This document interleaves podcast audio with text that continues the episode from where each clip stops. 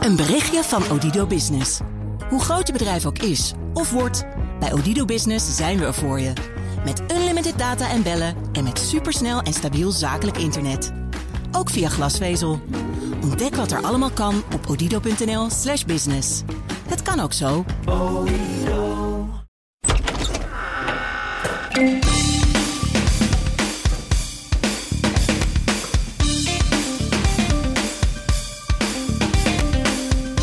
Vinden jullie ervan? Een nieuwe versie van de show? Ja, heerlijk.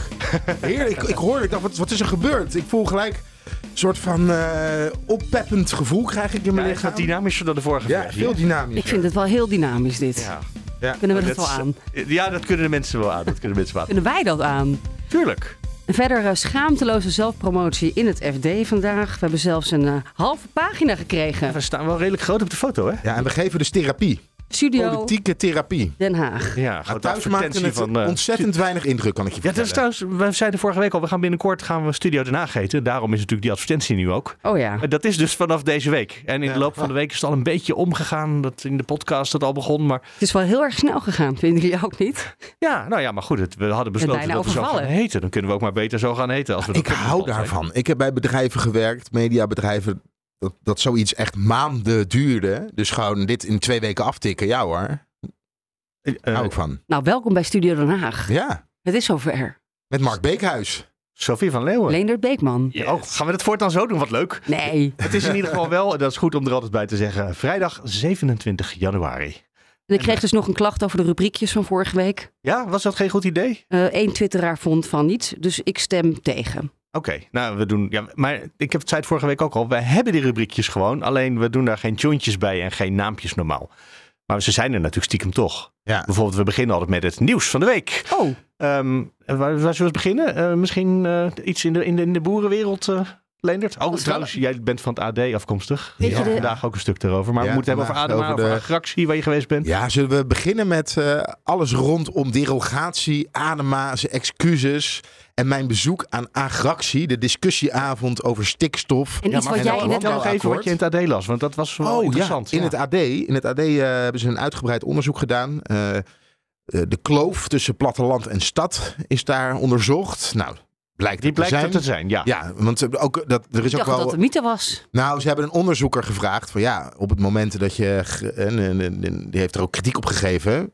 Ook heel veel goede dingen zaten erin, zegt ze. Maar op het moment dat je mensen inderdaad gaat vragen, is er een kloof? Mhm. Eh, dan bevestigen mensen dat ook. Dus ja, is er een kloof tussen politiek? Is er een kloof tussen de stad, land en het, pla- en het platteland?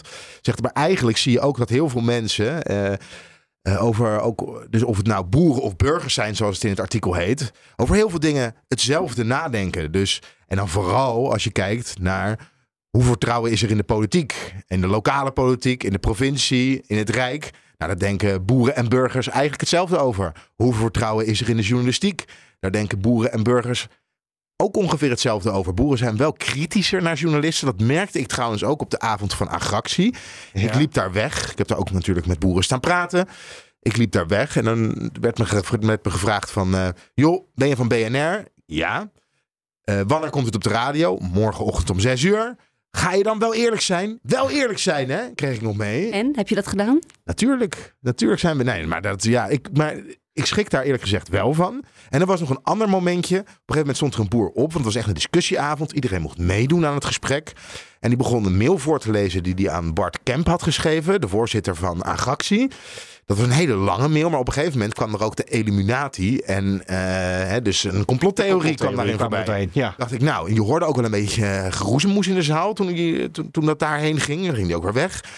Dacht ik, nou, toen was hij klaar. Toen kwam er toch nog een lauwe applaus, maar wel een applausje kwam daarop. En ik dacht van ja, eh, misschien dat jullie delen van zijn betoog wel ondersteunen. Aha. Maar ik had er wel iets meer afkeer van. eh, Oké, maar jij was aan het verwacht. uitleggen dat er een kloof was. En toen gaf Ja. je allemaal voorbeelden waarin we eigenlijk heel erg op elkaar lijken. De Ja, boeren zijn ook Ja, burgers. het is, eh, en wat ik wel zelf wel een grappig Maar waar, waar zat het verschil dan? Waar zit die kloof dan? Behalve in hoe, de benadering van journalisten. Nou, de kloof zit vooral in. ehm, boeren, hebben, eh, boeren hebben het idee eh, dat zij eh, er niet toe doen. Zo simpel is het eigenlijk. En eh, de burgers eh, voelen zich gehoorder. En het, dit onderzoek gaat er meer om. eh, hoe kijk je naar jezelf en hoe kijk je naar de ander? Dus het onderzoek is niet. Hoe is het daadwerkelijk? En, ja, ja. Dit gaat over perceptie. Ja, dus eh, perceptie. gevoel. En dan blijkt dus dat boeren voelen zich niet gehoord en hebben het idee dat burgers wel gehoord worden, zeker in de Randstad. En mensen in de Randstad hebben ook het idee dat er niet genoeg naar boeren geluisterd wordt. Eh, maar vinden ondertussen ook dat ze zelf niet altijd eh, even goed, maar wel beter dan dat. boeren hebben echt geen vertrouwen in de politiek. Gewoon. Volgens mij is maar 8% van de boeren heeft nog vertrouwen in de politiek. Dat ligt hoger bij de burgers. Eh, niet veel hoger, dat is nog een derde. Maar daar, daar, daar zit die kloof zit daarin. En ja, ik weet niet of het waar is, de kloof. Eh, ik heb je wel eens verteld dat ik uit een achterbuurt in Leiden kom. Of een achterstandswijk, zoals dat vroeger heette. Ja, en daar voelde je ook heel... Krachtwijk heette dat, toch? Krachtwijk. En later zijn het natuurlijk Vogelaarswijk, Vogelaarwijk is dat gaan, eh, gaan heten. En daar voelden we ook een kloof tussen. En dan hoor echt de kloof zoals Sander Schimmelpenning dat eh, beschrijft. Tussen arm en rijk. Ja. Eh, en daar voelde je je ook achtergesteld. Ehm, ja, dus ik denk dat er op heel veel plekken in de samenleving een kloof is. En dat, eh, dat er niet één kloof is en dat is stad en platteland. Ja, eens. Ik woon zelf in een Vogelaarwijk. Of misschien een voormalige Vogelaarwijk. Ik weet niet of het nog steeds zo heet. Nee, maar, zeker. Het is nooit een officieel naam geweest. Nou ja, dus Het dat geld is... wordt geweest altijd. Ja, heel veel armoede. Dat zie je op de gezichten van mensen in de rij bij de supermarkt. En ja, die kloof, die, die zie ik elke dag. Want ik ga dan vanaf de Vo- Vogelaarwijk ga ik dan naar Den Haag. Stap ik in de trein. En dan, dat, zit- dan zit je opeens even in een heel ander wereldje met goed betaalde ambtenaren hè, en goed betaalde politici. Dat is ook wel een kloof die ik elke Ja. dag zie. Ja, dus die kloof die is er Amsterdam, voor een deel wel, maar er zijn een heleboel kloven en kloofjes. Oh, Er zijn achtergestelde groepen, nou dat geloof ik ook wel. Ehm, laten we naar de politiek gaan. Ehm, deze week was het debat met meneer Adema, onze Ja. nieuwe burger, eh, burgemeester, onze nieuwe minister van eh, Landbouw. Is die van, is van Landbouw, hè? Ik Ja. altijd door elkaar. Van landbouw. Eh, niet voor, want dan Nee. is er een andere belangrijkere minister. Ja, het was een heftig debat. debat. Ja, het had natuurlijk allemaal met derogatie te maken. En het, Mest. Ja, met, nou ja, met het extra uitrijden van mest. Ja, Dus de derogatie is dat Nederland aan Brussel vraagt: mogen we alsjeblieft ons niet aan de regels houden en iets meer mest uit, in dit geval, Ja. iets meer mest eh uit, uitstrijden per dan is het vierkante meter. klein beetje ingewikkeld. De derogatie wordt mee. afgebouwd. Omdat Nederland zich jaren niet aan de regels gehouden heeft. Maar om in aanmerking te komen voor het afbouwtraject. heeft Nederland weer nieuwe regels afgesproken. Waar ze zich aan moeten houden. Dat doen we ook niet. En wat blijkt? Daar houden we ons ook niet aan. Dat zijn die stroken, toch Ja, die drie die- meter aan het randje van je, van je land. En dan ligt er een Mag sloot. je nog niet bemesten. Klopt. Ja, en moet je Ja. zorgen dat het water eh, een beetje in, goe- in goede kwaliteit eh, blijft of wordt. Eh, Dus eh, iets anders verbouwen of iets, iets vrolijks rand. Niks. Gewoon. Ja, nee, of niets. Ja, het nou- verwilderen. Je mag daar best wat verbouwen, alleen je mag geen mest eh, de- uitrijden. En het heeft met de uitspoeling inderdaad te maken van... eh, eh, De uitspoeling. van- We gebruiken het ene jargonwoord na het andere Ja, vandaag. Het gaat, over, het gaat hoeveel- uiteindelijk over, over meststoffen van het land in de sloten. Ja, dus hoeveel ammoniak komt er uiteindelijk in, eh, in het slootwater terecht? Ja, daar heeft het mee te maken. En daar is een hele discussie over. helpt Is dat nou wel of ertussen. niet? Ja, dat zou helpen. Boeren ontkennen dat overigens. Maar goed, Nederland heeft zich niet aan de regels gehouden. Wilde een overgangsjaar hebben om wel te voldoen aan de regels om de derogatieafbouw te kunnen doen. Maar Adema heeft alles op het spel gezet. Ja, Bleek dat jaar, brief- dat bleek toch afgelopen jaar geweest te zijn. Dus dat had in januari klaar moeten zijn. Begreep ik van eh Tjert de Groot. Ja, in januari. Ja, dat heeft te maken met... eh, Dus de- dan de zit je af- met je, met, je afbouw, af met je afbouwjaar. Maar als het al geweest is, kan je daar niet meer zoveel mee doen. Nee, het had gewoon per 1 januari geregeld moeten zijn. Ja. Eh, er was een brief van Adema naar de Kamer gestuurd over hoe dat overgangsjaar eruit zou moeten zien op 2 januari. Toen is er contact geweest, oh, januari 2 december. Toen is er contact geweest op 8 december tussen de Europese Commissie en het ministerie. Daarna is er een brief gekomen van, eh, de- van de eurocommissaris op de 19e. Op de Een 20 hele duidelijke brief. Een hele, hele duidelijke brief. Mark heeft hem ook gelezen. Daar, daar is Fascinerende brief. Het was, een, eh, het was een, een, een hele beleefde, nette diplomatieke brief. Waar keihard. geen woord onduidelijk aan was. nee. Eh, eigenlijk stond er gewoon: Nederlanders, wij vertrouwen jullie voor geen cent. Jullie hebben alle, alle afspraken tot nu toe hebben jullie geschonden. Eh, ik wil graag een brief waarin je mij gerust gaat stellen eh, dat je nu je wel aan de afspraken gaat houden. Nee, het was echt. eh, nee, dit, dit was eigenlijk gewoon een scheldkanonade. Ja. Maar dan op een beleefde manier. Heb, heb je hem bij je? Om gewoon een paar Nee, zinnen uit nee, voor nee, te nee, lezen? ik heb hem. eh, Sophie gaat hem even Sophie opzoeken. Dan ga ik nog even de tijdlijn. eh Ja, want verder waarom is die tijdlijn helemaal nodig? Op tijdlijn is nodig omdat er op een brief is? 20 december een twee minuten debat geweest is waar Tjeerd de Groot, die, die, die had gehoord vanuit Brussel, hey, ze zijn niet blij. En hij heeft Adema gevraagd, klopt dat? Toen zei Adema, naar mijn weten niet. Maar er lag dus al een brief, maar die zat in zijn tas en die had hij nog niet gelezen. Toen heeft hij hem vervolgens wel gelezen, maar hij was zo geschrokken dat hij de Kamer niet geïnformeerd heeft. en vooral met Brussel aan de gang is gegaan. En toen vorige week vrijdag, dat hebben we in de podcast Ja. behandeld. Toen kwam in één keer kwam het nieuws naar buiten. En kwam hij terug vanuit de, de Groene Week in, eh, in eh, Berlijn. In Woche in, Berlijn, eh, ja. in Berlijn. En, ehm, landbouwbeurs ja, en, en sindsdien, er is nu dus ook een debat over geweest. En hij moest uitleggen waarom. Hè, eh, u wist het dus al. De brief zat in uw tas. Goed, oké. We vergeven u dat u dat tijdens het debat nog niet wist. Ja? Maar waarom? Eh, in de tussentijd is, Ja. is de Kamer niet geïnformeerd. Eh, hij heeft excuses aangeboden. Daarnaast heb ik ook, naar aanleiding van het debat van 20 december, de Kamer niet geïnformeerd over een nieuw signaal vanuit Brussel.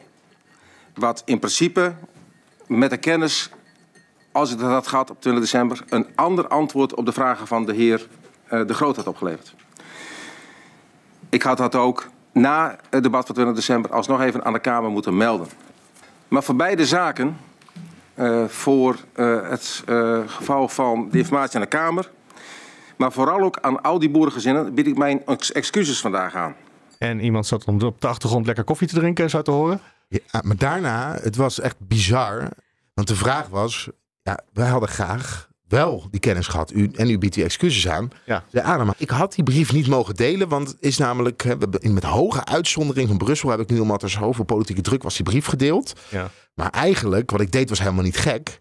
Want ik mag helemaal geen brieven van de eurocommissaris Maar je mag delen. wel de informatie uit die brieven Waarop, delen. waarop Sandra Beckerman zei, maar waar biedt u dan uw excuses voor aan? Ja, ja. Toen kregen we weer een heel vaag lang antwoord. Kortom, het was echt weer Den Haag. Het was de Rutte-tactiek.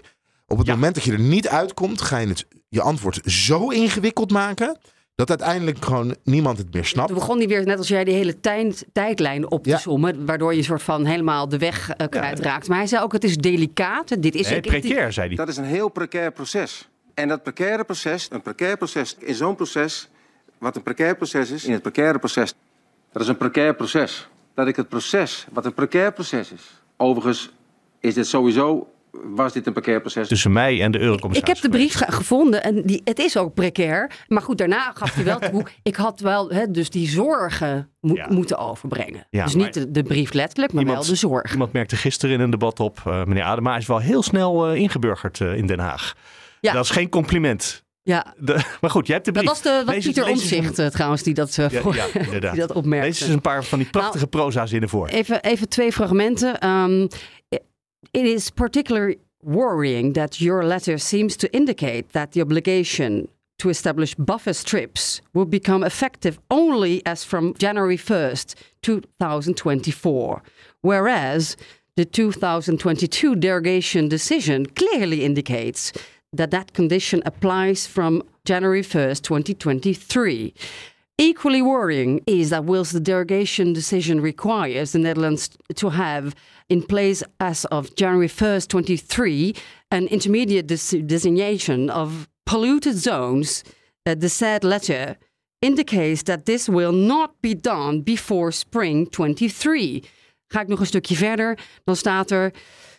I would therefore be grateful if you could reassure us that the Netherlands will fully and timely implement the 2022 derogation decision, the Dutch Seventh Nitrates Action Program. Ja, ik zou And heel erg blij zijn als u mij kunt geruststellen. Yours sincerely. En dan is er de eurocommissaris, denk ik, hè? Ja. Virginius Sinkevicius. Ja, Spreek dat goed ik uit? heb geen idee die naam, of je die goed Ik heb de hele week de naam namelijk ontweken. Eromheen gaan, dat kan. Ja, de ja. eurocommissaris, ja. Sorry voor mijn Engels, maar dit is een soort van onderkoelde woede in die brief. Ja. en ik zei, heel het erg duidelijk. En er is geen woord Spaans bij. Maar hoe zou dan de telefoontje of de gesprekken op de achtergrond zijn geweest? Die ze hebben ook plaatsgevonden, want ze hebben overlegd. In die weken daarna, toen Adema zo geschrokken was van deze brief. Ik zou er ook wel van schrikken. Ja. Toen hebben ze dus nog, een, een- hoewel er was reces, zei hij ook, hè, in Brussel. eh, iedereen was op vakantie, dat duurt daar ook drie weken.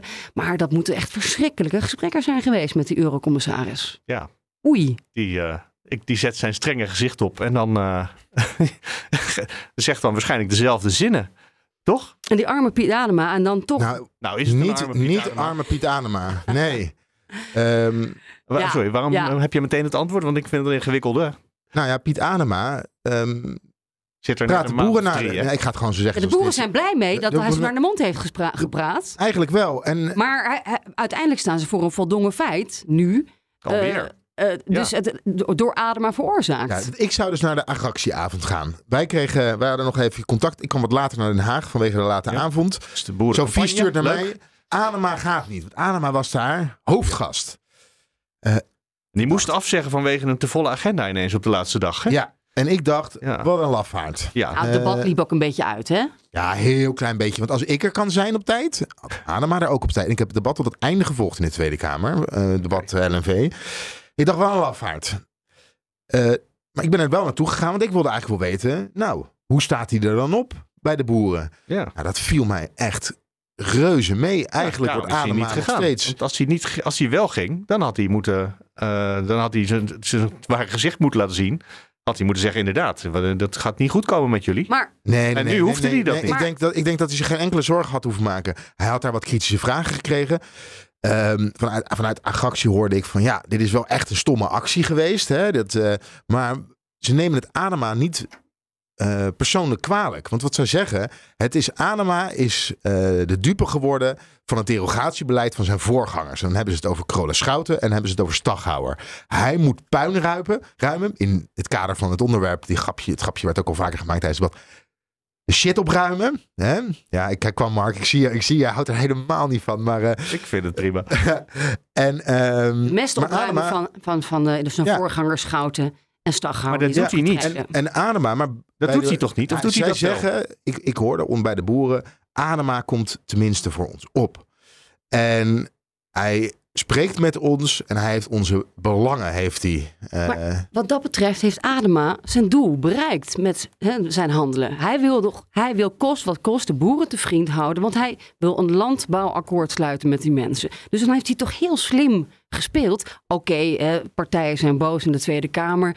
Eh, motie van wantrouwen door een paar partijen in de oppositie gesteund.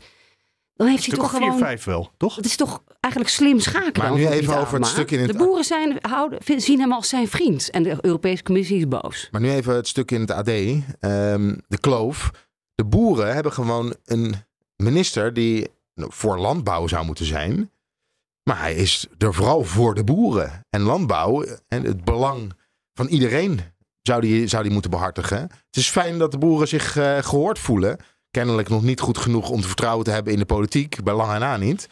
Maar Adema zou wel eh, het, het grotere belang voor ogen moeten hebben. En niet, waar we, wat wij nu concluderen, eigenlijk eh, een, alleen maar hopen dat die bij de boeren er goed voor Maar het staat. grotere En dan belang is toch het landbouwakkoord en de boeren dicht bij zich houden, te vriend houden, zodat wij uit die stikstofcrisis komen. Dat is toch het grote Maar het belang, grote niet een paar belang mest. Maar we hebben het nu over de boeren naar de mond praten. Dat, zo noemden wij het net, toch? Ah, de Dat is- kwamen van jou. Ja, dat... Maar ik werd niet tegengesproken, geloof Nee, ik. dat Ik klopt. werd, Sterker eh, nog, eh, een deel van de Tweede Kamer eh, zei ook dit soort zaken. Laten we een heel klein stukje van het debat even... Het is een compilatie die Sofie gemaakt heeft, even laten Dat horen. is niet zo gezellig. Voor een, een sfeerindruk van het debat met de minister. Mevrouw Van der Plas kan zeggen wat ze wil, maar dan moet ze gewoon maar even lezen wat er in de wetgeving staat. Nou, voorzitter, ik ga even bezwaar maken tegen eh, de toon van eh, de heer De Groot.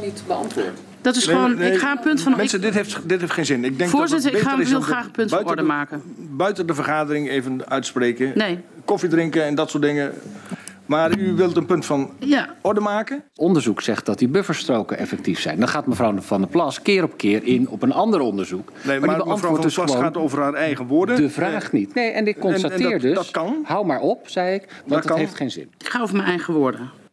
Nou, Ze komen er niet uit. Ja, deze twee, nee. Nou ja, moeten we nog zeggen dat dit shit groot zijn en eh Caroline van der Plas? Ja, dat moeten we eigenlijk wel En zeggen, daartussen zat een SGP-voorzitter. eh, Over kloof tussen stad en platteland gesproken. Hè, of die, die kloof. Nou ja, in de Tweede Kamer zijn zij de twee uitersten van het spectrum, op, denk ik, op dit moment. Ja, absoluut. Alleen, we hebben nu de twee uitersten tegenover elkaar gezet. Ja. Maar de sfeer was überhaupt het hele debat om te snijden. Bijvoorbeeld ook tussen de ChristenUnie en D66.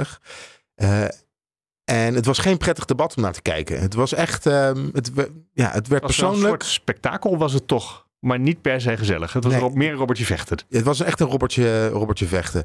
Waar we ons overigens ook heel veel zorgen eh, om moeten maken, dat is het landbouwakkoord. Want bij de agractieavond, en natuurlijk zijn ze maar één partij aan de hoofdtafel, Maar Bart Kemp, de voorzitter, liet er geen gras over groeien. Hij zei, eh dat landbouwakkoord, daar gaat er, heb ik geen geloof in, gaat er waarschijnlijk niet komen.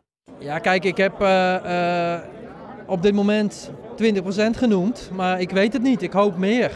Ik hoop dat er ruimte ontstaat en dat er ook concreet zicht staat op dat er ook echt wat te halen is aan perspectief, aan eh, toekomstbestendig perspectief voor boeren van Nederland. 20% waarvan eh, had hij Ja, het over? 20% kans dat het slaagt. En hij Oh, vertelt ook, dat heeft te maken met ook de voortgang aan de tafel. Daar zit weinig voortgang in. Eh, het gaat van, ja, ik moet zeggen, en misschien is dat ook wel eh, gebruikelijk bij zo'n akkoord, van conflict naar conflict, van discussie naar discussie. En dat vordert maar moeizaam.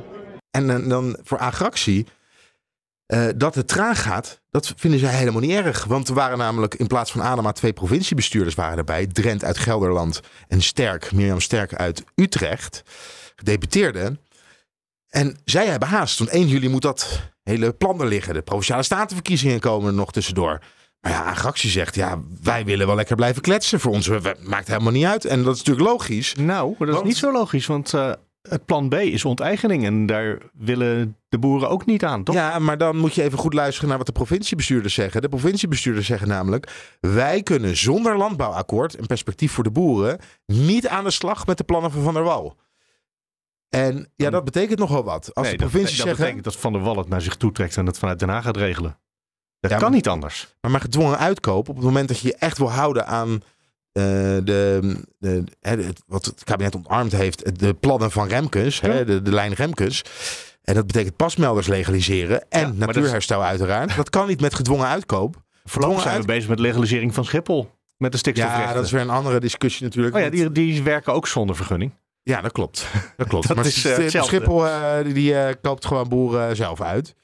Maar ehm, voor de provincies, want uiteindelijk moet het wel. Je kan wel zeggen van ja, we gaan iedereen verplicht uitkopen. Daarbij is dat een heel lang traject. Dat heeft PBL ook eh, Dat goed beschreven in een rapport. Zeker. Dus Maar dat schiet ook als niet de op. politiek in de provincies het niet gaat doen, dan moet Den Haag... Je hebt, eh, Sophie heeft die brief nog in de handen. Eh, die brief die laat niet veel ruimte na in juli hoor. Ja, de- dit gaat eh, over mest, toch? Ja, dit Ja, gaat maar over dat gaat mest, ja. over hoe... Nee, dat gaat over stikstof en over mest. Ik bedoel, dat gaat over het, geeft wel, het geeft al een beetje weer hoe de sfeer hoe is Brussel tussen over Nederland denkt. Den Haag en Brussel. En Ja. dat we eigenlijk ja, geen tijd meer te verliezen Maar hebben. ook gedwongen uitkoop is uiteindelijk. eh, je wil op korte termijn wil je stappen zetten. Tuurlijk. En gedwongen uitkoop is absoluut niet op korte termijn stappen zetten. Want Nee, maar Dat als er vertelde geen ook- stappen gezet worden, is maar dat gedwongen vertelde ook de laatste optie. nou, met Drent, redmiddel. Drent en ehm, eh, Sterk vertelde ook, wij zijn in vergevorderd, voor, er zijn heel veel gesprekken zijn vergevorderd om boeren uit te kopen die vrijwillig willen stoppen. De komende jaren gaat nog 30% van de boeren vrijwillig stoppen met hun bedrijf. Daar stoppen sowieso elk jaar Dan moet je, boeren. dan moet je uitkopen. Elke week. Eh, hè, dat zijn boeren die ze willen gaan uitkopen. Daar is geld voor nodig. Om daar geld voor te krijgen, moeten die plannen op 1 juli er liggen. En is er ook een landbouwakkoord nodig. En die 30% boeren, eh, als je die wil gaan. Dus als je echt vaart wil gaan maken, wil je die beginnen met die vrijwillige uitkoop bij mensen die dat ook willen. En zonder die plannen van 1 juli kan dat niet. Dus als je op korte termijn echt stappen wil zetten, heb je toch echt een, eh, een landbouwakkoord nodig. En ik vraag me, ik vraag me af of dat eh, landbouwakkoord er gaat komen. Nou, Ja. nee, jij denkt van niet. Zullen we, want we zijn al bijna 25 minuten bezig met dit thema. Ja, maar het is ook het favoriete thema doen? van... eh, Ja, dat weet Maar ik. ja, ja. Alleen- Ik Geef hem ook Had ik, had ik een paar jaar geleden ook niet verwacht dat ik ooit eh, helemaal in de boeren zou zitten. Ehm, van de week was ook het debat over het, eh, het salderen, de zonnestroom. Oh ja, dat heb jij gevolgd, toch? Zeker heb ik dat gevolgd. Dat was natuurlijk vorige week begonnen en toen duurde de eerste termijn van de Kamer zo lang. Dat ze, toen zei je, nou ja, we, we gaan niet eens meer vandaag de antwoorden van de minister aanhoren. Dat doen we dan een andere keer wel, want het duurt gewoon te lang en we zijn het zat vandaag. Ze waren geloof ik ook om 11 uur of half 12 pas klaar. Dus dat zegt ook iets over hoe lang ze bezig geweest waren. Dat was gisteren, op donderdag, was eh, eerst de antwoord van de minister en daarna de tweede termijn. Dus hebben we het gisteren afgemaakt. Eh, Zijn ze eruit gekomen totaal niet. met Rob Jetten? Nee, helemaal niet. Hé, wat Mag ik jammer. hier nog een kleine anekdote bij vertellen? ja, doe maar eventjes. Ik, ik heb zonnepanelen sinds kort, dus ik zei tegen mijn vrouw: voor ons goed nieuws over de zonnepanelen. Voor ons, hè, zeg ik erbij. Dus ik zeg niet dat ik per se. Dat de- leren. Want voorlopig komen ze er niet uit met eh, het salderen. Ja, het wegstrepen van eh, het stroom dat je zomers opwekt tegen wat je winters gebruikt. Ja. Hij zei: Oh, zijn de rechtse partijen, want mevrouw volgt niet zoveel politiek. Daar zijn inderdaad, hou die rechtse partijtjes zeker weer tegen. Ik. Nou, Ook, gek ook. genoeg ook. Maar gek genoeg zijn ze niet doorslaggevend. Nou, dan geef ik hem even over naar Mark. Ja, nee, de rechtse partijen die zijn sowieso... Kijk, trouwens, tijdens eh, vorige week eh, heeft de PVV een gloedvol betoog gehouden... waarom inderdaad het salderen afgeschaft moet eh, worden. Waarna er een tweet kwam van Geert Wilders. Die zei, ja, maar we gaan toch, toch tegen deze wet steunen. Tegen, tegen, ze- tegen deze wet stemmen. Ehm, overigens, daar wilde de Kamer gisteren aan de PVV nog wel wat vragen over stellen. Maar de PVV was ineens niet meer aanwezig in het debat Ja. toen, eh, toen die kans er was. Die stonden volgens mij op de nieuwjaarsborrel. Dat zou heel goed kunnen. In Maar het zou toch een soort van beleefdheid zijn om eh, van, hem, van meneer Kops om in de Kamer nog eventjes gewoon die vragen te incasseren. En te zeggen, inderdaad, wat ik vorige week allemaal zei, dat klopt allemaal niet. Ik heb u urenlang, en- want we zijn echt een uur met de man bezig geweest. Iedereen was verbaasd dat de PVV het, klimaatbeleid van Jette steunde. Als je het zo formuleert, snap je ook wel dat ze vanaf wilden. Maar goed, inderdaad, jij zei, Partij van de Arbeid, GroenLinks, eh daarvan de doorslag. je dat ze misschien eh, het zouden steunen. Want het is Eigenlijk is het niet zo sociaal. Eh, we hebben de, de, de, het salderen niet meer nodig voor het stimuleren van de zonnepanelen. En Maar alle rijke mensen hebben al neer, een, eh, Precies, het komt wel neer op een geldoverdracht van arme mensen naar rijke mensen. Van Ja. huurhuizen naar koophuizen. Van zonder zonnepanelen naar met zonnepanelen. En ja, dat is, je zou denken, dan gaan GroenLinks en PvdA, die gaan dat, eh, ja, die willen, er, die willen er ook wel vanaf. En dat willen ze ook wel. Het staat ook gewoon in hun verkiezingsprogramma, als ik me niet vergis. Maar ehm, ze willen eigenlijk dat er iets anders voor in de plaats komt. Namelijk het stimuleren van de zonnepanelen moet wel blijven bestaan. En dan vooral bij de arme mensen of de Op Sociale- corporatiewoningen. eh, dus op de, op de corporatie huurwoningen, want daar staan gewoon eh, veel minder zonnepanelen. En eh, dat zit niet in het plan van de minister. En ze hebben dat aan elkaar gekoppeld. Als je eh, het Ja. aan het CDA vraagt, zeggen ze het is een trucje. Moet je niet zo doen. Het staat namelijk gewoon in de doorrekening van PvdA en GroenLinks dat ze dat salderen wilden afbouwen. Dus laten we daar niet gewoon omheen draaien. Laten zij ook dat de kiezers gewoon eerlijk vertellen. Zij wilden dit gewoon. Ehm, en de Volkskrant had mij ook gebeld en die vroeg wat ik ervan vond. Nou, ik heb er iets misschien vrij eerlijk op geantwoord, maar ik vind het gewoon een trucje. Er wordt gewoon een, een spelletje gespeeld. En dat is dat u één beleidsterrein of één onderdeel gaat verbinden met een ander. Er komen provinciale statenverkiezingen aan. En u durft dat eigenlijk niet uit te leggen aan de kiezers. Volgende week hebben we een behandeling van de Klimaatwet. Over een paar weken gaan we waarschijnlijk aan de slag met de Warmtewet. Gaat u dan tegen al die wetten stemmen als dit stukje niet geregeld of als een ander stukje niet geregeld is? Want je kunt altijd beleidsterrein of stukjes van het beleidsterrein aan elkaar blijven knopen en, en, en dit soort spelletjes spelen. Waarom wil Jet het niet? Oh, de, Jette die heeft eh, een hele halfslachtige toezegging gedaan dat er een plan komt en een zonnebrief. En, eh, daar, ko- dus misschien wilde hij het wel uiteindelijk, maar hij wilde het gewoon niet aan elkaar koppelen. Hij wilde het los van elkaar maken. Hmm. Eh, wat eigenlijk nog iets. Dit is gewoon allemaal inhoudelijk. En dat, als je het nieuws gevolgd hebt, weet je dit ook wel. Ik ga een ander stukje laten horen uit het debat. Duurt een kleine anderhalf minuut. Ehm, eh, helemaal van het begin. Dat was met Renske Leijten en minister Jette. En dat gaat over iets waar de VVD denk ik nog last van gaat krijgen in de toekomst. Namelijk over de vraag of een belastingvoordeel. eh, bijvoorbeeld er gaat heel veel belastingvoordelen naar eh, en- energieverbruikende bedrijven. En daarvan zeggen dan de GroenLinkse partijen. eh, die zeggen dat is subsidie. En dan komt de VVD-minister die daar meestal over gaat. Die zegt nee, dat is een belastingvoordeel. Mag je niet als een subsidie zien. Ik denk dat meneer Jette het de VVD een klein beetje moeilijker gemaakt heeft. Kan de minister nou eens duidelijk uitleggen wat precies de subsidie van het Rijk is? Want die zie ik niet. Ik zie wel dat dat natuurlijk, dat salderen wat wettelijk is voorgeschreven, namelijk we gaan het nu wettelijk afschaffen, eh, iets doet in de relatie tussen de energieleverancier en de klanten. En dat dat met doorrekenen is. Maar wat is nou de bijdrage van het Rijk aan de saldering? Ik zie hem serieus niet. Ja. Ik zou zelf eigenlijk het woord overstimulering veel toepasselijker vinden dan oversubsidiëring. Kijk, op de grond van die salderingsregeling mag je, en dat hoef ik niet aan mevrouw Leijten uit te leggen, want dat doe ik dan toch voor het debat, eh, meneer de voorzitter, eh, de invoeding en de afname tegen elkaar wegstrepen. En de consument hoeft dan over dat weggestreepte deel geen leveringskosten te betalen, maar ook geen belastingen. Dus geen energiebelasting, geen BTW en geen ODE in het verleden. Het belastingvoordeel, dat levert belastingderving voor de Nederlandse staat op. En deze derving die wordt natuurlijk ook weer op andere manieren opgevangen. Namelijk door op andere plekken belasting te innen. Oké, maar er zit dus geen rijksgeld in. Dus geen subsidiestroom. Er is geen één op één subsidiestroom. En eh, de vraag is, eh, belastingderving dan wel of geen subsidie? Ja, de facto is belastingderving natuurlijk een vorm van subsidiëring. Omdat we het wel ergens met elkaar vandaan moeten halen en moeten betalen. Ja, later trok eh, Renske Leijten het weer terug. Die zei, ja, maar we hebben vastgesteld dat er geen subsidiëring is. Maar de minister heeft het wel gezegd. En eh, de regering spraak, eh, praat met één mond. Hè? Dus de VVD vindt nu voor fossiele bedrijven dat belastingaftrek, dat dat subsidies zijn. dat, is, dat is een interessante wending voor je. Is heel slim gedaan. Ja, nou, ik Ja. weet niet eens, want Renske Leijten die, die nam er af, aan het eind weer afstand van.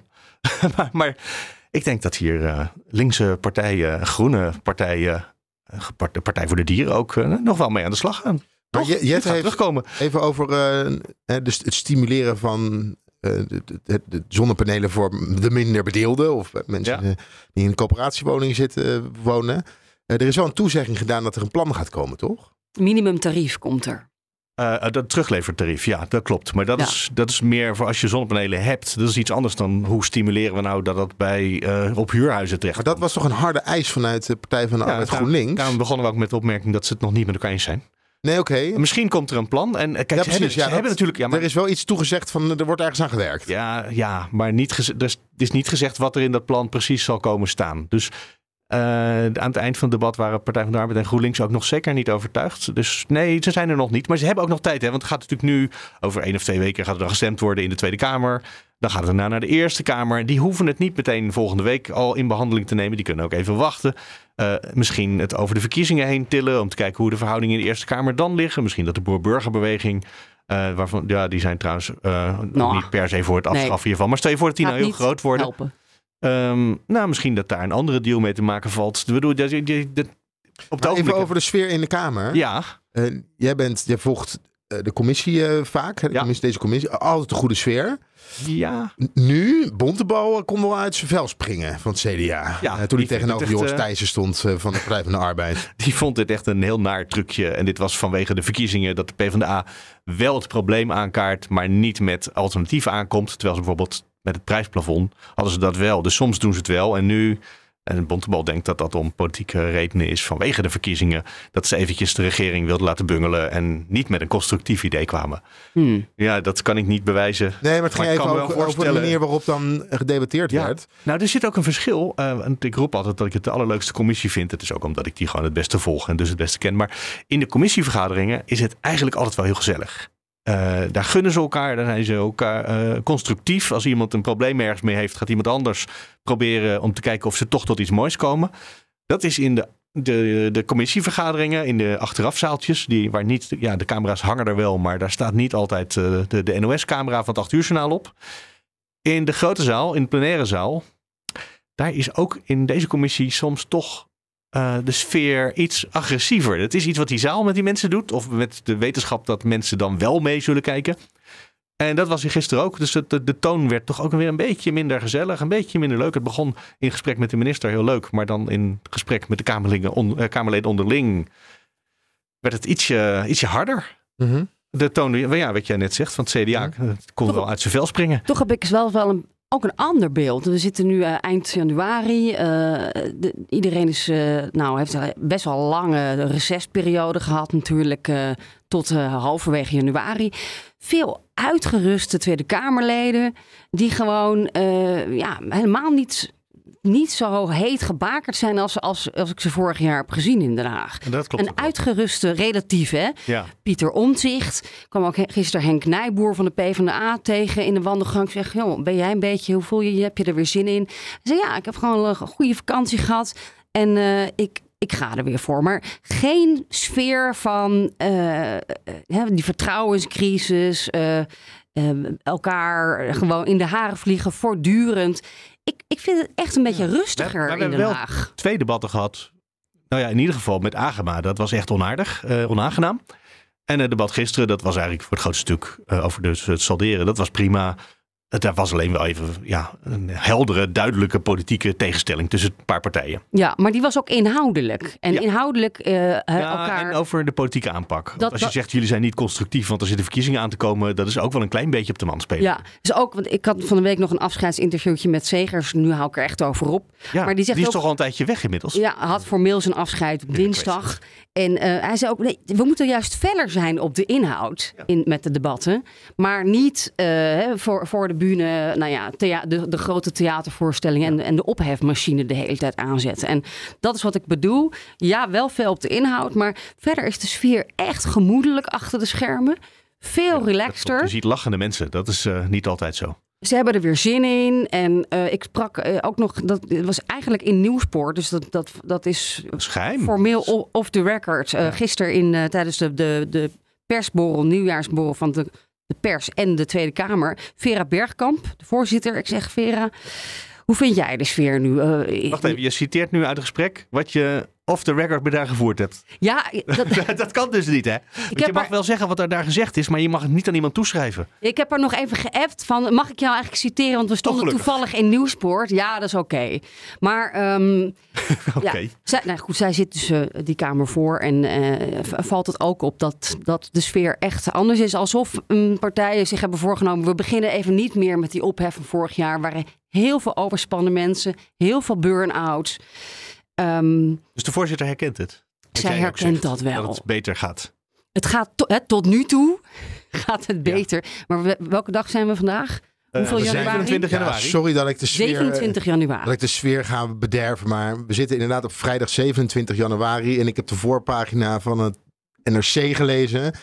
Nou, dan voel ik de Wat bommel. daar dan? Ja, uh, migratie gaat een enorm probleem worden. Uh, Meen je dat? Ja, ze nou, verwachten eigenlijk al dat binnen twee maanden de mensen uh, weer op straat liggen. En dat het er zoveel worden dat de, het COA waarschuwt in ieder geval dat, uh, dat ze bang zijn. En ook het, uh, um, niet alleen het COA, het was COA, IND, het ministerie van JNV. Dat, dat, dat, dat er ook daadwerkelijk asielzoekers gaan zwerven door Nederland. Dus dat je de, de groepen illegale door de, in de steden gaat krijgen. Ja, en politiek gaat dat natuurlijk, uh, is al een gevoelig onderwerp. In Brussel, Rutte is de hele week op pad geweest om over migratie in Europa te spreken. Hij is in België geweest. Hij heeft een gesprek gisteren gehad met...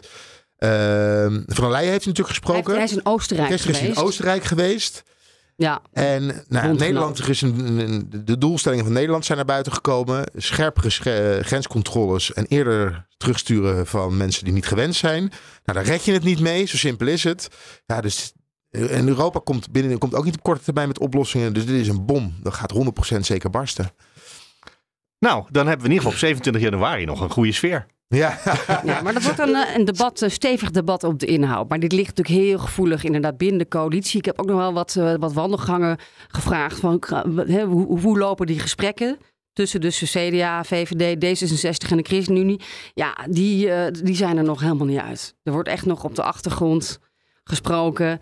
Waarbij uh, CDA, VVD natuurlijk lijnrecht tegenover D66 en de ChristenUnie staan. Ik hoorde zo'n bizar interview ja? Geen witte met Erik Wetsels, de voorzitter van de VVD, bij Sven Kokkelman afgelopen dinsdag voor het 75-jarig bestaan van de VVD. De vraag was eigenlijk van ja, wat gaan jullie nou doen tegen migratie? Waarop Wetsels zei, ik zeg het even mijn eigen woorden, ja, het land is te aantrekkelijk. We moeten het eigenlijk het land minder aantrekkelijk gaan maken. Uh, dat heb ik hier in deze podcast ook wel eens geopperd. Maar ja, dit, uh, maar, dit werd wel altijd wel weggelachen. Maar Sven Kokkelman zei dus heel hard hem gelijk... Uh, oh, dus de VVD wil ons een minder aantrekkelijk land maken. Ja, dat was eigenlijk wel, dat was wel stuitend. Mm. Want het, het, is natuurlijk gewoon zo, en dat heb jij ook gezegd... Ja, waarom willen mensen graag Nederland? Omdat we het hier het is gewoon goed, goed hebben. Ja. ja. Maar je wilt natuurlijk ook een minder aantrekkelijk land maken voor bepaalde mensen. En uh, kijk, als, als we zien wie er maandag op bezoek komt bij Rutte, dat is uh, zijn grote vriend uit Parijs, Emmanuel Macron.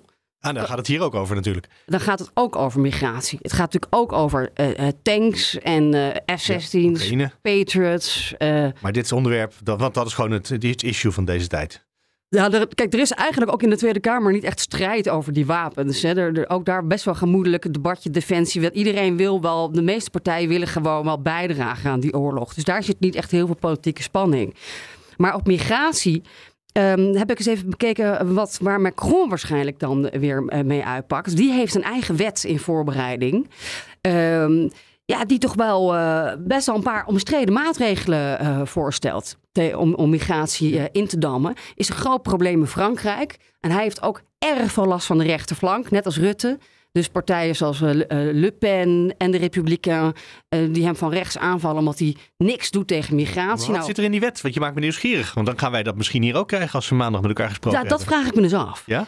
Um, een van de dingen die hij wil is, de, de, moet een beetje denken aan Hugo de Jonge en zijn wonenbeleid. Hij wil de, de, de beroepen inkorten, zeg maar. Hè, de asielprocedures verkorten Van, eh, volgens mij kun je nu maximaal twaalf keer, eh, je kunt steeds eh, verder procederen, eindeloos Ja. in Frankrijk. Dat moet terug naar drie. Dat is een beetje wat Hugo de Jonge probeert te doen op de woningmarkt.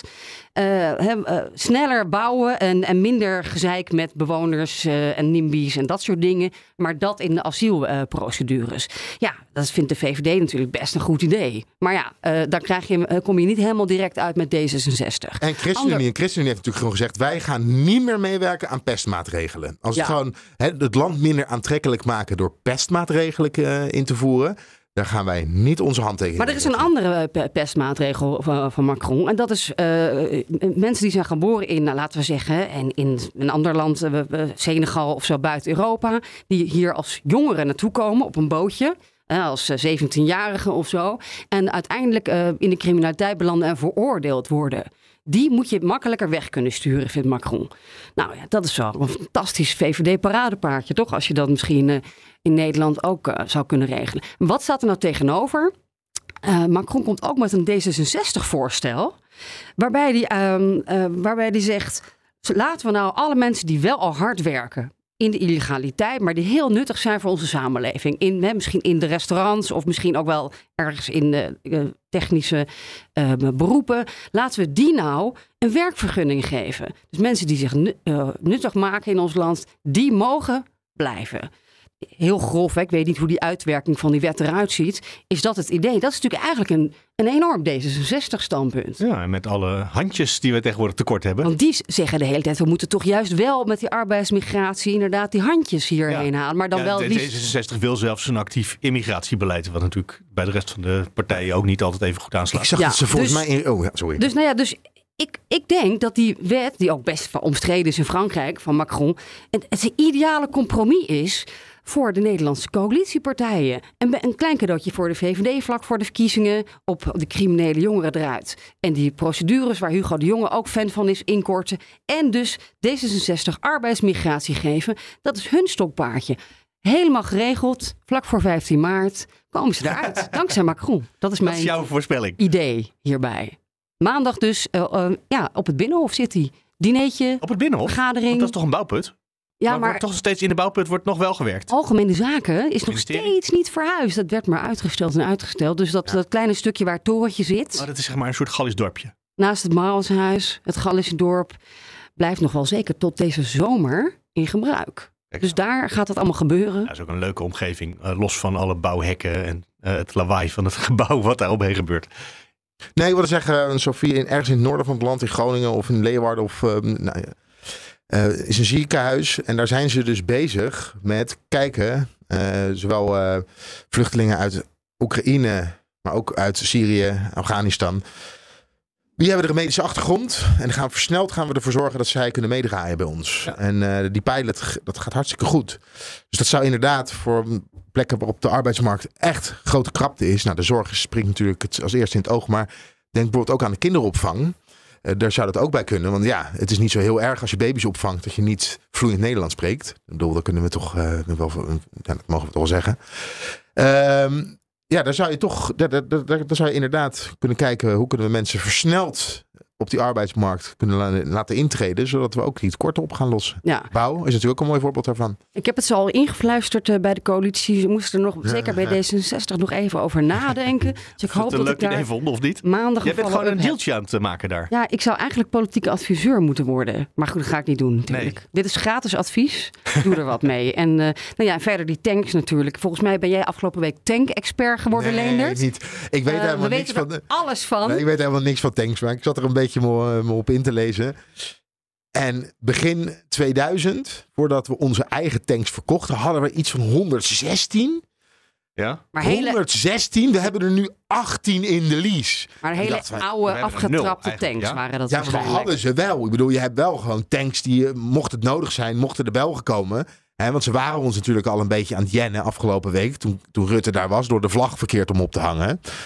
Eh, Wat maar- een goede grap trouwens. nou, maar goed, nee, maar je hebt in ieder geval heb je tanks waarmee je eventueel, mocht het nodig, nodig zijn, je land kan verdedigen. En dan heb je er, ja, als je er 116 hebt, ja, dacht ik van ja, daar kan je misschien nog iets mee. Maar met 18 geleaste tanks, Ja, nu willen we de tanks, de geleased tanks gaan... altijd samen op met de Duitsers. Dus dan hebben we samen hebben we wel een heleboel tanks, toch? Maar we hebben dus eigenlijk geen tanks. dat Nee, hebben ze zijn geleased. Tanks geleased. Maar we willen ze gaan kopen om ze daarna direct weer weg te geven. Dus dan Ja. hebben we helemaal niets meer. Dus dan Ja. hebben we geen geleased tanks. En dan... Oké. Nou, ja, maar dat Maar is niet was helemaal waar. Want misschien gaan we ook weer andere tanks leasen om die dan weer weg te geven. Maar we moeten ook even kijken of dan voor- bijvoorbeeld Duitsland nog wel genoeg, genoeg tanks heeft. Dus ze zijn nog een beetje aan het dealen.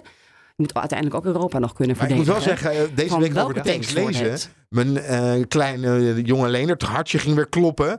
Want ja, tanks zijn wel hele mooie apparaten. Als ik zo een beetje lees over wat tanks kunnen. En Vertel, wat tanks, kunnen ze? Waar wij- heel, heel goed schieten. Ja. dat is, en ze zijn heel doeltreffend, zijn ze dan daar. eh, nee, maar, Ja, de- maar en- niet, niet zulke lange het is ook zo dat als jouw tank net een meter verder kan schieten dan de tank van de tegenstander, ja, dan rij je naar elkaar toe. En dan zorg je dat je hem net iets eerder schiet dan je tegenstander. En dan boem, weg tegenstander.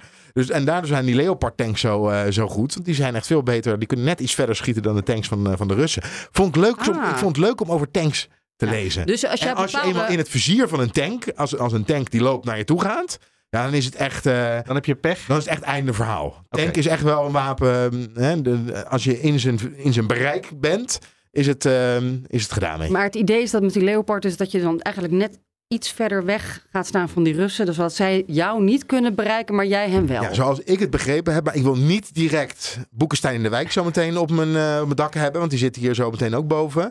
Misschien dat ik het niet goed vertel, maar dit is wat ik begrepen heb van, van Tank. Maar goed, wat een militarisme in één week tijd. Ik, ik, ik wist niet wat ik, eh, wat ik hoorde. Dus vorige week waren het de Patriots. Toen deze week de tanks. Dat kwam... F-16 staat nog op het lijstje. En nu ja, gaat het over F-16's. En daar is eigenlijk ook gewoon de coalitie wel een soort van groen licht voor.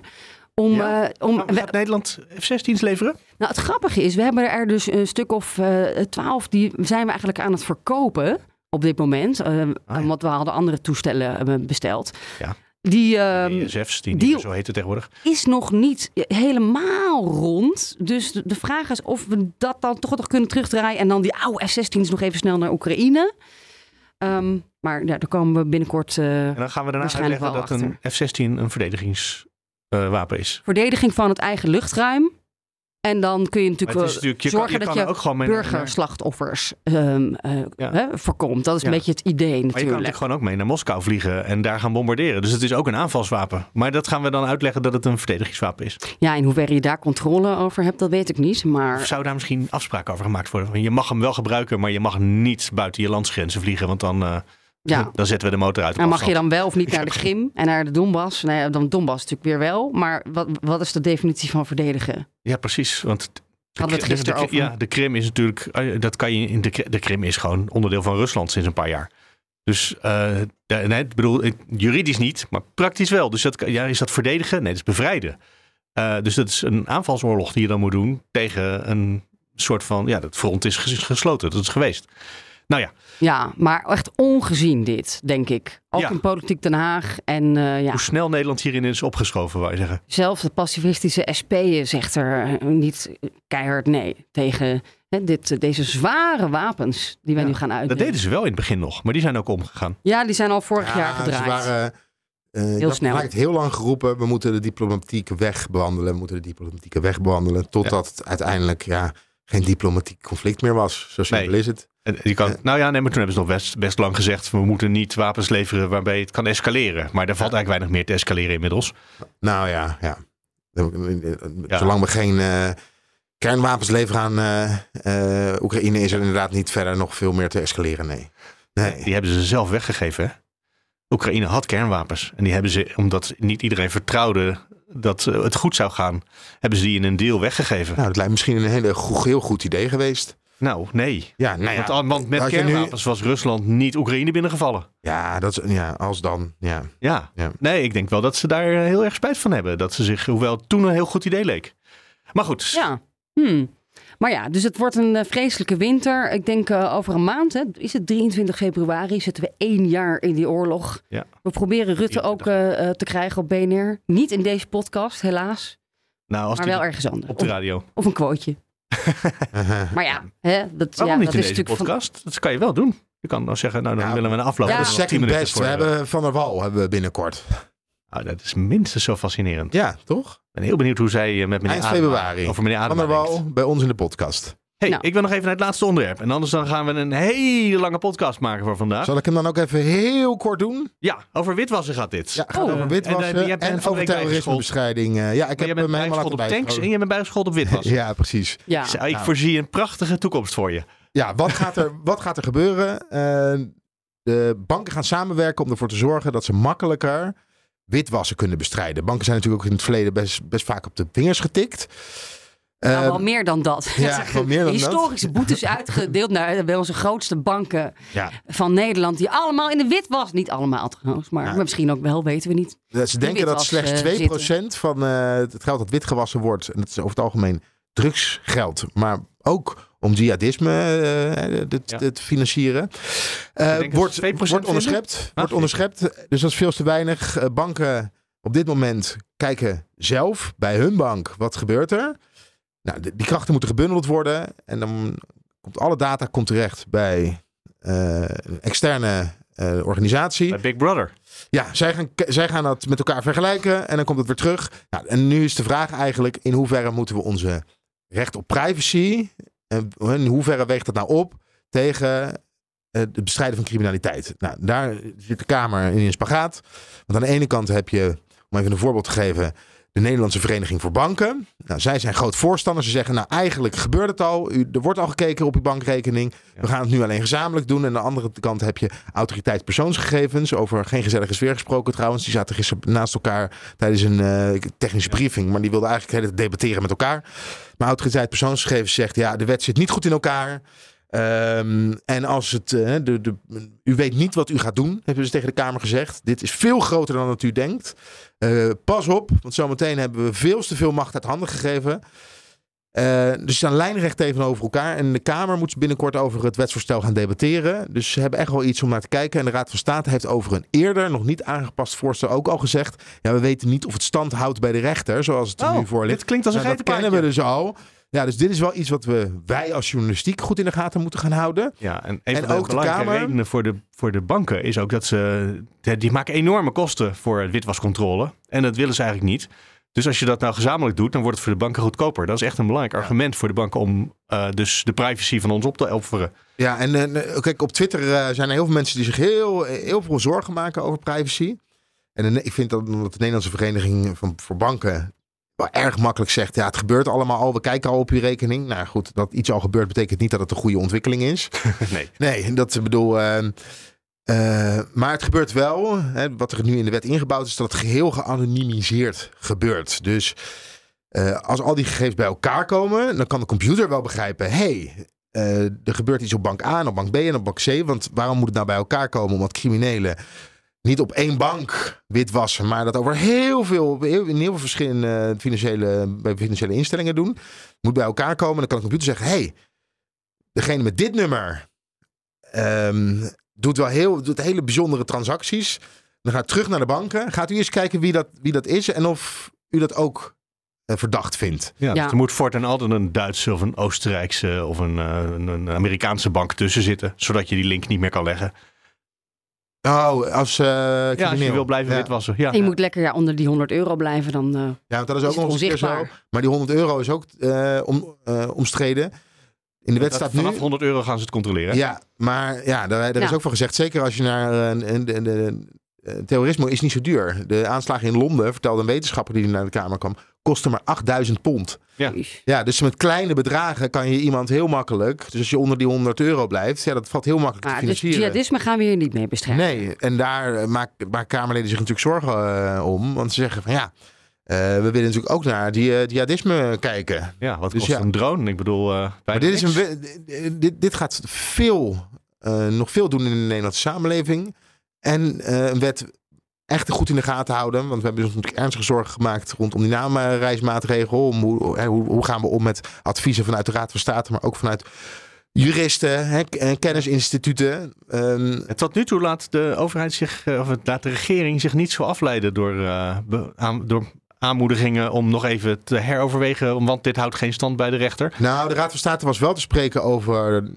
De, de, de, de kabinet heeft wel degelijk naar kritiek gekeken. Alleen Ja. niet op alle punten het ook aangepast. Dus, en Ja. ze wilden dus niet... Tom de Graaf zat er, want die is eh, vicevoorzitter van de Raad van State. En hij wilde niet zeggen, want dat kon hij nog niet, of het genoeg was. Hij zei, ja, dat moet ooit een recht- rechter toetsen. Maar u weet ons, af, eh, ons advies. weet waarom wij eh, al die andere dingen ook geadviseerd hebben. Ja, dus Mm. eigenlijk zei hij met... Hij zei gewoon, er zit, dit is toch weer een geitenpaadje. Maar dat op de meest beleefde manier. In de, in de stijl van die brief die we uit Brussel gekregen hebben. Nou, veel beleefder. Veel Maar- beleefder nog, oké. En dan moet je ook... Ik las tussen de regels door... Het is nog niet genoeg. Ja. Alleen dat heeft hij niet gezegd. Ja, het is wel weer een staaltje. Hoe roep je ontzettend veel rechtszaken over je af? Dat is wel weer een terugkerend patroon. Dan, als dit wordt doorgezet op deze manier. Zo. Nou ja, We zijn bijna aan het Vrolijk. denk ik, hè? Ja. dus het gaat trouwens wel om 16 miljard of 20 miljard euro hè, per jaar, dat witwassen. Ja, en dat Heel veel Dat geld. kost elke Nederlander 100 euro per jaar. Ik zei toch dat de banken het vooral vanwege financiële overwegingen doen. Ja, nee, maar dit, het, het, plan, het plan dat er nu ligt, gaat ook 100 euro per jaar kosten. Ja, Ja, want hoe meer je er vindt, hoe meer je er vindt, hoe meer je moet uitzoeken, hoe meer werk. Ja. Dus, nou ja, dus dat Ja. was het. Maar eh, to be continued. Zeker, dit komt nog terug, want dit was alleen nog maar de technische briefing. En dan zijn de Kamerleden in ieder geval geïnformeerd. Ja. En dan komt straks het politieke debat met eh, het gevecht over waar we uit willen komen. Het inhoudelijke gevecht, Ah, mooi is dat. zonder ophef.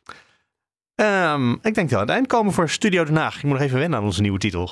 Mm, het, was- lijkt een beetje op de rubriek die we een paar jaar terug hadden, eh, Studio Den Haag. Weet Ja, je op nog? de radio hadden we dat, ja. Ja, met eh, Roos Abeman en Donatello Ik Piraas. ik denk dat onze luisteraar die twitterde dat hij geen rubriekjes wilde. Dat hij gewoon heerlijk heeft kunnen doorluisteren. Ze zaten er stiekem wel weer, hè, want we doen het toch. Maar Ja, eh, het is wel saai, hè, zonder rubriek. Waar, waar is mijn Ja. rubriekje op het einde dan? nou, dat is die precies wat ik wou, eh, waar ik Ja? langzaam naartoe Oké, praat. Eh, Want Leonard heeft altijd iets leuks op het einde. Nee, Ja. toch? Niet Wat weer. is er aan de hand? Er is echt een mysterie gaande. Ik was vandaag, ik vond vandaag, ik was van de week was ik bij Caroline van der Plas op de kamer. Oh nee. Ja, wel. Dat is op zich al een mysterie. Ja, Ja, vertel. Ik was bij Caroline op de kamer en Caroline ging in haar bureaustoel zitten. En zei ze niet weer. De stoel staat weer scheef. Wie heeft dat gedaan? Nou, iedereen in de kamer ont zei, nou, ik niet. Maar Caroline bezweert dat er is iemand die elke keer op haar stoel gaat zitten en haar stoel, haar bureaustoel, een klein beetje scheef zet. En dan wordt ze helemaal, links wordt ze naar helemaal, helemaal gek wordt ze daarvan. Ja, naar rechts volgens mij. Naar rechts, ja, dat is natuurlijk En ook de goede kant. Waar Haar medewerkers zeggen dat ze het niet doen. Maar er is dus iemand in de Tweede Kamer die constant naar de kamer van Caroline van der Plas loopt. Probeert haar En net haar stoel even scheef zet. Ja, maar dat is... Om dat is- haar, om haar zeg maar uit het lood te slaan. Of, Nou, ze is, of is- ze is een beetje paranoïde of schizofreen. Of er zit inderdaad echt Ja, iemand is- die nou, probeert om is- haar een beetje gek te maken. Er is iemand haar gek aan het maken in de Tweede Kamer. Door middel van haar bureaustoel een klein beetje scheef te zetten. Nou, dit, dit is toch wel een... Ik ga er... eh, Ja, of misschien zit ze er zelf scheef op en blijft hij dan scheef achter. Wat een spookwereld. leunt ze te veel naar rechts, dat kan. Ja. Dat het gewoon een aanwijzing van de natuur is. Mevrouw, u moet iets meer naar links leunen. ja. Nou, Ah, er zijn zoveel verklaringen. ga jij het uitzoeken volgende Ik week? ga het uitzoeken. Maar ik heb het eigenlijk volgende week al heel druk. Ja. Met liften en trappen. Maar daar hoort u volgende week... eh, Daar gaan we volgende week weer meer van Ja. horen. Mooi. Eh, dan komen we nu aan het einde. We hebben niet alleen een nieuw begintune, ook het einde van deze podcast is anders. Dus eh, geniet nog even tot de laatste seconde. Dit was eh, Studio Den Haag met Sofie van Leeuwen. Beekhuis. Beekhuis. Ik ben Mark Beek. En leuke leen. Tot volgende week.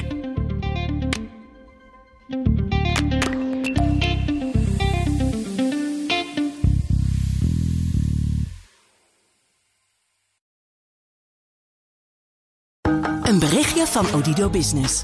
Hoe groot je bedrijf ook is of wordt, bij Odido Business zijn we er voor je. Met unlimited data en bellen en met supersnel en stabiel zakelijk internet. Ook via glasvezel. Ontdek wat er allemaal kan op odido.nl/business. Het kan ook zo.